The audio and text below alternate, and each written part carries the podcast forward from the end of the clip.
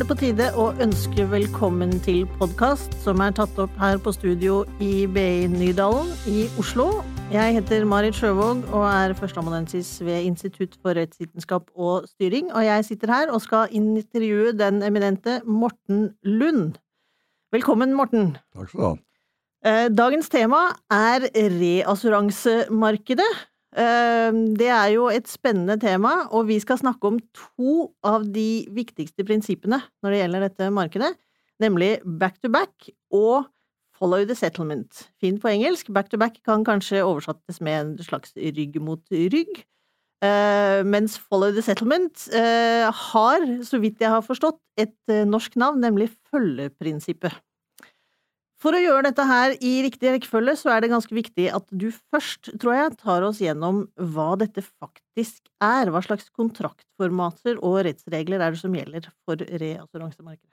Ja, og selvsagt i reassuransemarkedet så brukes det jo kontrakter mellom partene i den enkelte reassuranseavtale.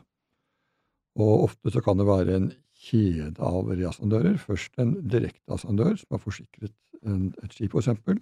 Så så reassurer en del av risikoen i reassuransemarkedet, og som igjen reassererer videre. Og det er mange ulike typer reassuranseformater. Det er både proporsjonale og såkalt ikke-proporsjonale kontrakter. Det skal ikke vi gå inn på. Reassuranse er jo en internasjonal bransje, og det er flere lands lovgivning som kan tenke seg å ha direkte eller indirekte betydning for den enkelte reassuransekontrakt. Dette er et av de forholdene som kan skape visse problemer i visse situasjoner. Generelt kan man si at selve kontraktene i reassuransemarkedet er forbausende korte, selv om de er skrevet på grunnlag av engelsk rettstradisjon, og jo det ofte er veldig lange og detaljerte kontrakter, så er det korte kontrakter, og partene i dette markedet har i stor grad basert seg på ikke direkte juridiske innfallsvinkler til problemløsninger, men mer på kommersielle gentlemen's agreement-innfallsvinkler for å ta stilling til problemer som reiser seg. Nettopp. Så når du sier korte, så mener du ikke i tid, men korte i faktisk antall ja, ord og sider og sånn? På sider. Mm. Og på grunn av en del veldig store utbetalinger eh, fra reasandørene etter annet enorme asbestskader og andre store eh, volumer med stort antall skader for en, rundt 30 år siden, så ble det en ny tradisjon som sakte, men sikkert kom inn i markedet, nemlig at man i større grad rettsliggjorde forholdet mellom partner i avsaksmarkedet. Så det ble et tradisjonsskifte hvor man i større grad prøvde å ta stilling til hva er egentlig min juridiske posisjon når man skulle ta stilling til uklarheter og tvister. Og dette ble litt vanskelig fordi man i liten grad hadde klart og presist utpensle rettsregler og, og, og, rettspraksis for disse kontraktsformatene. Og i og med at man har fått denne rettsliggjøringen, så, så fremdeles kan si i stigende grad, så er det flere saker som er kommet opp på domstolene, og to grunnleggende prinsipper i reassansmarkedet har blitt utfordret på denne måten.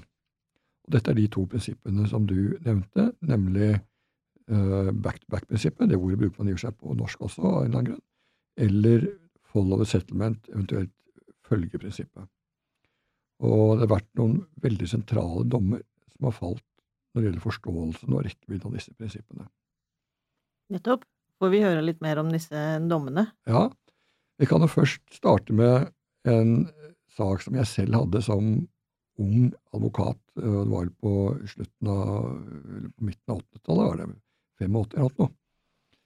Da, og det illustrerer problemstillingen veldig godt. Et norsk fiskeoppdrettsanlegg, dette var i en tidlig fase, hadde forsikret seg mot alle typer skader og hendelser i et norsk forsikringsselskap.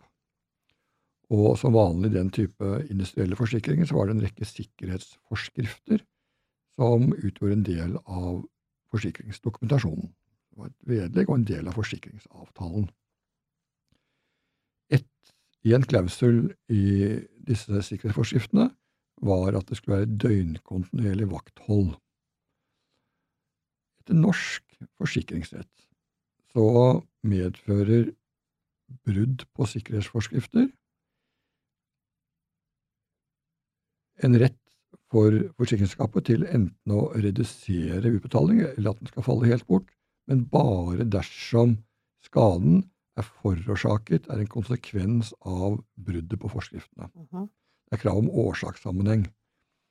Etter engelsk rett har man også et system med sikkerhetsforskrifter, men der er hovedregelen at ved brudd på sikkerhetsforskrifter så faller sikredes rett til utbetaling bort selv om det ikke har årsakssammenheng. Har nok dette prinsippet blitt noe modifisert i senere år, men ikke den gangen.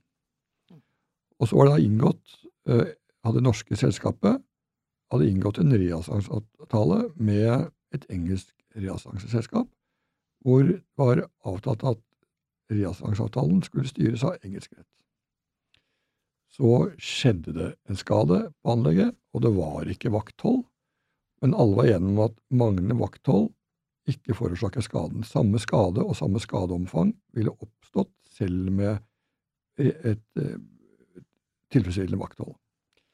Det norske selskapet hadde ikke annet valg enn å utbetale fullt, og gjorde krav gjeldende under reassansavtalen, og da sa engelske selskapet nei, og det viste til det engelske prinsippet om brudd på sikkerhetsforskrifter.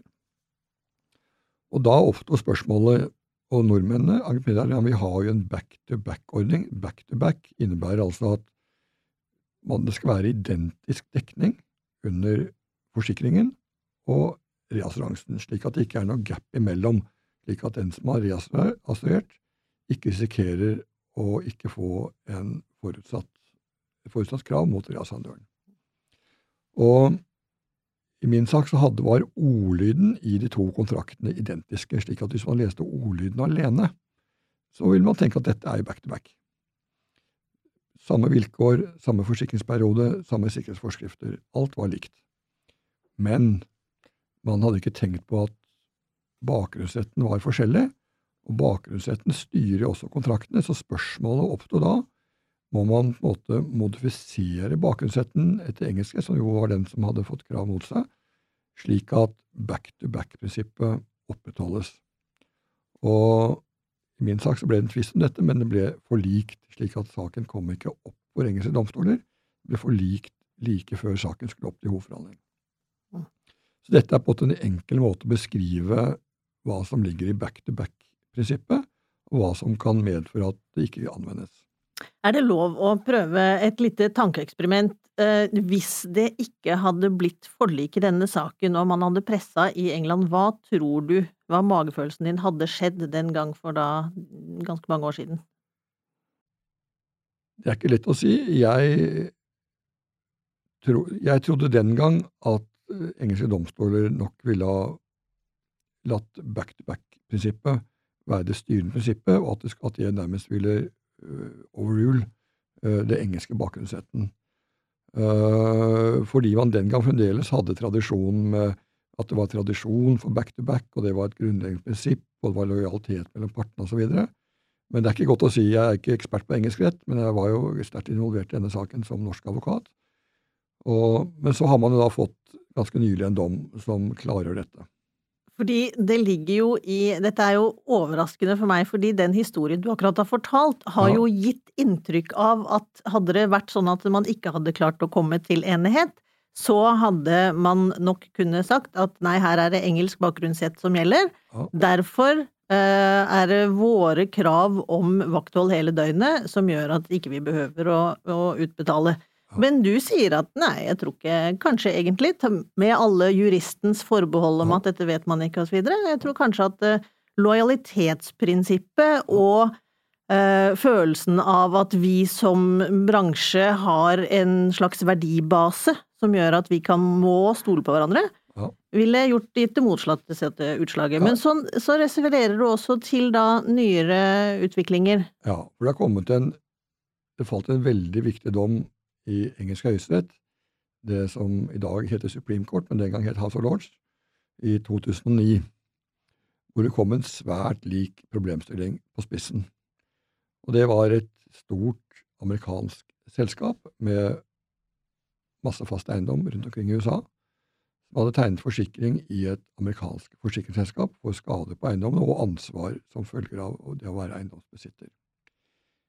Den avtalen var selvsagt regulert amerikansk rett, for det var to amerikanske parter.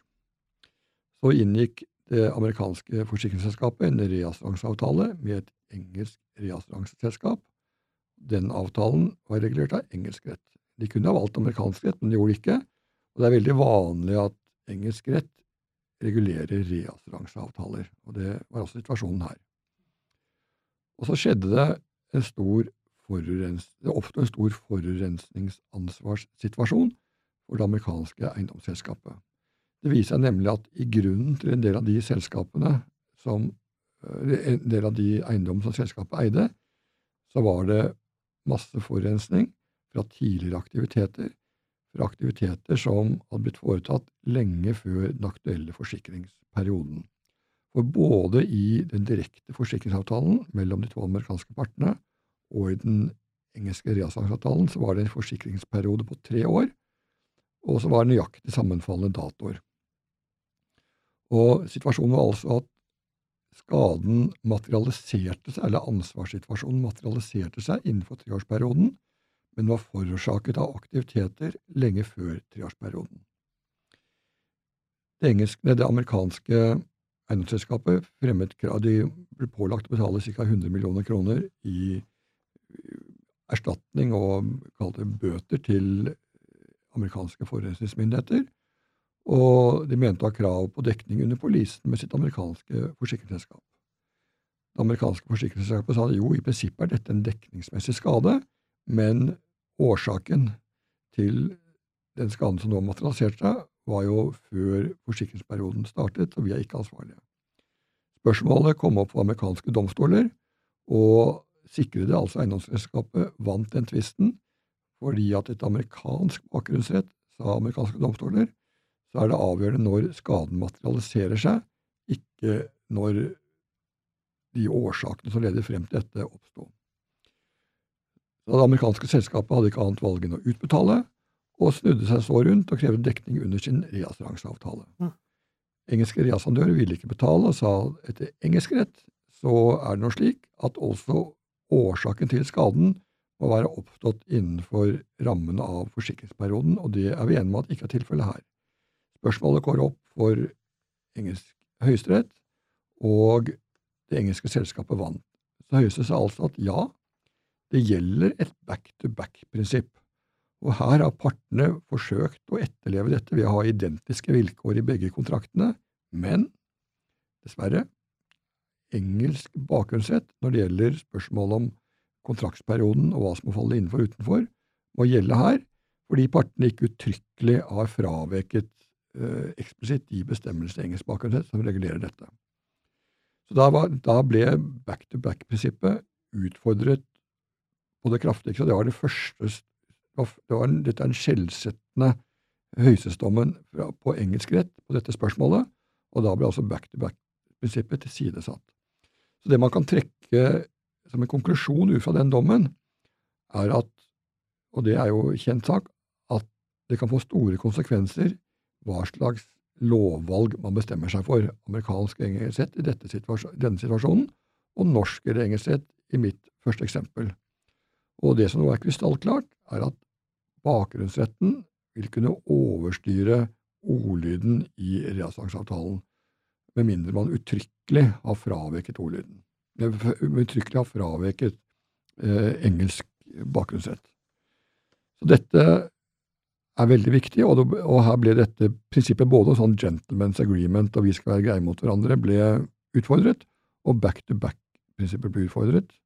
Og på begge punkter så ble det strammet inn, og det ble ytterligere rettsliggjort når det gjelder forholdet mellom partene i reassangsmarkedet. Dette er jo eh, Det er veldig fristende å prøve å sette dette inn i en politisk ramme. Jeg vet at det også ofte er vanskelig for uh, folk som liker å snakke om juss. Uh, men vi er jo nå 50 dager fra 29. mars, som uh, er en skjebnedato for UK, uansett hva som skjer, fordi det er den dagen de skal etter sigende ut av EU. Uh, mye av samarbeidet i eh, verden er jo basert på at man faktisk har tillit til hverandre. Det er en helt klar parallell til det vi har kalt eh, her the gentleman's agreement, som ligger under eh, korte kontrakter, eh, tro på hverandre og ha en felles verdibase. Eh, du har stadig referert til at mer og mer av disse reglene, sånn som jeg har hørt deg iallfall, eh, skjer i forhold til engelsk bakgrunnsrett. Kan jeg få lurt deg litt ut på glattisen ved å, å fundere litt over hva som kan skje, enten som en årsak til eller konsekvens av uh, Englands endra forhold til sine naboer? Ja, dette er et spørsmål som har vært mye diskutert i juridiske kretser. Årsaken til dette er jo at det er en tradisjon for at veldig mange kontrakter av internasjonal karakter har jo bestemmelser som sier at tvister skal avgjøres i England eller London basert på engelsk rett. Og selv masse kontrakter som gjelder mellom to parter hvor ingen er engelske, har slike klausuler. Og dette er basert på at det er en tradisjon for dette. Og det er også viktig at de dommene som da avsies i London basert på slike klausuler, faktisk kan fullbyrdes i de landene hvor partene holder til. Hvis ikke så vil ikke dommene ha noen virkning. Og i og med at England, når de trekker seg ut av brexit, så går det også automatisk ut av en del, eller i hvert fall en veldig viktig konvensjon, såkalte Brussel- og Lugano-konvensjonen, som medfører at dommer avsagt innenfor EU- og EØS-området kan fullbyrdes i alle landene. Og I utgangspunktet så vil det være mye vanskeligere, som et utgangspunkt i hvert fall, når EU går ut av brexit, med mindre de får en tilknytning som Norge har, som minner om det. De går ut av, ikke ut av brexit, men ut av EU. Men dette er blitt grundig analysert, og resultatet er at det får egentlig ingen virkning. Så du kan si at de, den tradisjonen med å velge England som et forum for løsning av internasjonale tvister basert på engelsk rett, blir ikke mindre effektiv uh, og mindre attraktiv i og med at de går ut av EU. Skal vi være glad for det? Vel, etter mitt syn så er det en merkelig tradisjon at så mange kontrakter, særlig det er også de hvor ikke er engelske parter, har referanse i sine tvisteløsningsklausuler mm. til engelsk rett. Fordi det er, altså det er, selvfølgelig veldig høy kvalitet på engelske dommere og engelske advokater nettopp på grunn av denne tradisjonen. De er usedvanlig dyktige, men de er jo dyrest i verden. Og altså, det er dyrere enn amerikanske advokater, i hvert fall på denne type tvister vi nå snakker om, i hvert fall ikke noe billigere. Og tvistene tar ofte veldig lang tid.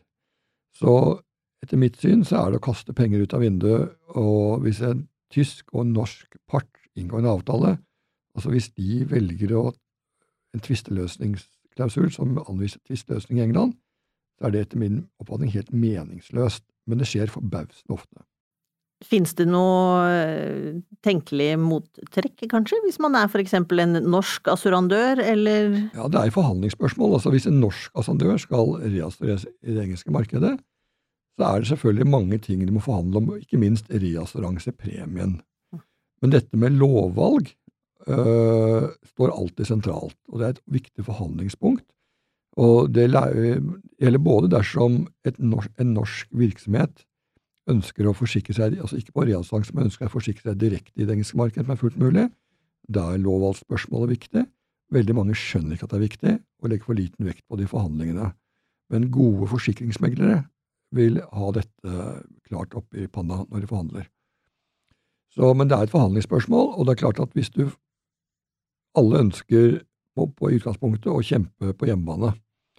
Så hvis den engelske medkontrahent, hva enten det er reassurans eller direkteassistanse, skal gå med på norsk rett, så tar de kanskje igjen på premien. Så det er jo en helhet, det er en kontrakt som skal forhandles, og det er mange elementer i kontrakten. Men jeg tror veldig mange norske aktører og andre internasjonale undervurderer kostnadene ved engelske tvister, og undervurderer hvilken si, juridisk risiko du for øvrig tar ved å benytte deg av engelsk rett. Dette er Eh, faktisk, hver gang jeg gjør dette her, og intervjuer deg om noe som jeg kan veldig lite om, og du kan veldig mye om, så oppdager jeg jo at dette er kjempeinteressant. Ehm, er det noe mer vi trenger å inkludere? Ja. ja. Jeg har jo én problemstilling til. Denne follow settlement, følgeprinsippet. Og som også Det er et prinsipp som innebærer følgende. Har et enkelt eksempel. Det er et norsk selskap som har forsikret sin flåte i et norsk forsikringsselskap, og det norske forsikringsselskapet har reassurert 90% av risikoen i reassangsmarkedet. Ofte vil det være flere reassurandører som har tatt hver sin prosentvis andel av den risikoen. Og så tenker man det, og forutsetter nå at det er back to back og alt er i orden. at det, er, det er da ikke, forutsetningsvis ikke et uklart spørsmål i mitt eksempel. Men så inntrer en skade, og det er alltid, når det inntrer en skade, så er spørsmålet hva var årsaken, og hvor mye koster dette, osv. Så, videre. så alltid et, et skjønn. Er det i det hele tatt krav på dekning under polisen, og hvor stort? Og da er alltid prinsippet at det direkte forsikringsselskapet, og ofte er det flere involvert der også, der er det såkalte leaderen som forhandler på vegne av de direkte selskapene som er involvert, og fremforhandler en løsning, et settlement, et oppgjør med det norske rederiet. Og deretter så vil da de, de eller det norske forsikringsselskapet gjøre krav gjeldende under reassuransepolisen med de engelske reasandørene. Og spørsmålet er da, kan de engelske reasandørene si at jo, det er back to back og det er identiske vilkår, men vi er uenige likevel i de oppgjør som dere har gått med på, selv om så dere er selvfølgelig forpliktet til å utbetale det, det dere har avtalt med det norske rederiet, men vi vil ikke betale noe av dette, for vi mener at dere strakk det for langt. Vi er uenige både i skjønnet og i bedømmelsen av juss og faktum. Kan de bestride det norske selskapets oppgjør, eller er de pliktige til å følge den, det settlementet, den opphørsavtalen, som norske selskapet har inngått? Det er problemstillingen. Og det er da det såkalte follow the settlement-prinsippet som da står i fokus. Dette har vært også en del av den typiske tradisjonen. Man har hatt ganske korte klausuler som ikke sier så mye om hva som ligger i follow settlement-prinsippet. Det bare står at det skal være follow settlement. Veldig, kanskje to setninger bare. Og så har det vært en rettstradisjon, og kall det mer en kommersiell oppgjørstradisjon, for at sånn gjør man det. Men nå har også dette prinsippet blitt utfordret i noen dommer. Jeg skal ikke gå inn på hvilke, for det er eh, flere dommer som til sammen har utfordret prinsippet. Prinsippet har ikke blitt tilsidesatt, men det har blitt stilt betingelser til prinsippet. Så det er flere elementer som, eller flere vilkår som har oppfylt, som man nå på ta innfortolket gradvis i disse klausulene som anviser et follow settlement-prinsipp. Og et grunnleggende vilkår er at det må være lojalitet. Altså når det norske selskapet, i mitt eksempel, har gått med, opp, med på en opphørsavtale med norske rederiet, så skal man også på en lojal måte ta i betraktning interessene til reasondørene. Det kan tenkes at det norske selskapet har en sterk interesse i å være, ha det godt forhold til det norske rederiet, som kanskje har en stor flåte, og de er redd for å miste rederiet som kunde dersom de er for tøffe i sin oppgjørspraksis mot rederiet. Og Derfor så strekker seg kanskje litt lenger enn det ellers ville gjort. Og Da er spørsmålet kan de binde reassandørene, til å kalle den litt, den litt lemfeldige utbetalingen. Så det er et grunnprinsipp at man må opptre lojalt. Og videre så er det et grunnprinsipp, og det er viktig, at det oppgjøret som foretas av det norske selskapet, skal være basert på rettsregler. Det skal være et juridisk riktig oppgjør. Ofte er det et skjønn der også innenfor jussen. Det skal i hvert fall være basert på jussen. Det skal ikke bare være basert på et, en god og lang tradisjon, at dere har vært vår viktigste kunde i 40 år, og vi, vi løser spørsmålet på den basis, den holder ikke. Det skal være et rettslig fundert spørsmål. Og det, får, det, er også et krav om at man får tatt en grundig saksbehandling og en god vurdering av både de faktiske omstendigheter og av jussen. Og det må være et forsvarlig skjønn innenfor de rammene som jussen setter. Men hvis disse forutsetningene er oppfylt, så gjelder follow the settlement-prinsippet fullt ut fremdeles i dag. Men så det, kan, det, som er konsekvensen av rettsutviklingen, er at man har strammet til prinsippet. Man har gjort det mer presist, og det er mer forutberegnelig hva som egentlig kreves for at man kan kunne påberope seg for dette prinsippet. Har det også øka krava til eh, åpenhet og transparens? Ja, det har nok antagelig det. Fordi at eh, Nettopp fordi man har oppstilt disse kravene, så vil jo da reasandørene, i mitt eksempel, kunne gjerne si at de vil gjerne undersøke om dere har oppført disse prinsippene. Jeg vil se på deres interne notater og begrunnelser, og gjerne innhente, se på de survey-rapportene dere har innhentet i forbindelse med havari osv., slik at du ser at disse kravene som er oppstilt gradvis i rettspraksis, faktisk er etterfulgt. Hvis ikke så vil det kanskje bestride at prinsippet gjelder for oss. Ganske interessant liten sammenheng mellom det å måtte ha skrevne regler for åpenhet og transparens eh, for å sikre at et prinsipp som er basert på lojalitet, faktisk overholdes. Det er en ja. intern dynamikk der som, ja, ja. som er uh, utfordrende, kanskje? Ja. Man kan si at dette ut fra juridisk synsvinkel generelt, så er altså reassuransemarkedet veldig spesielt.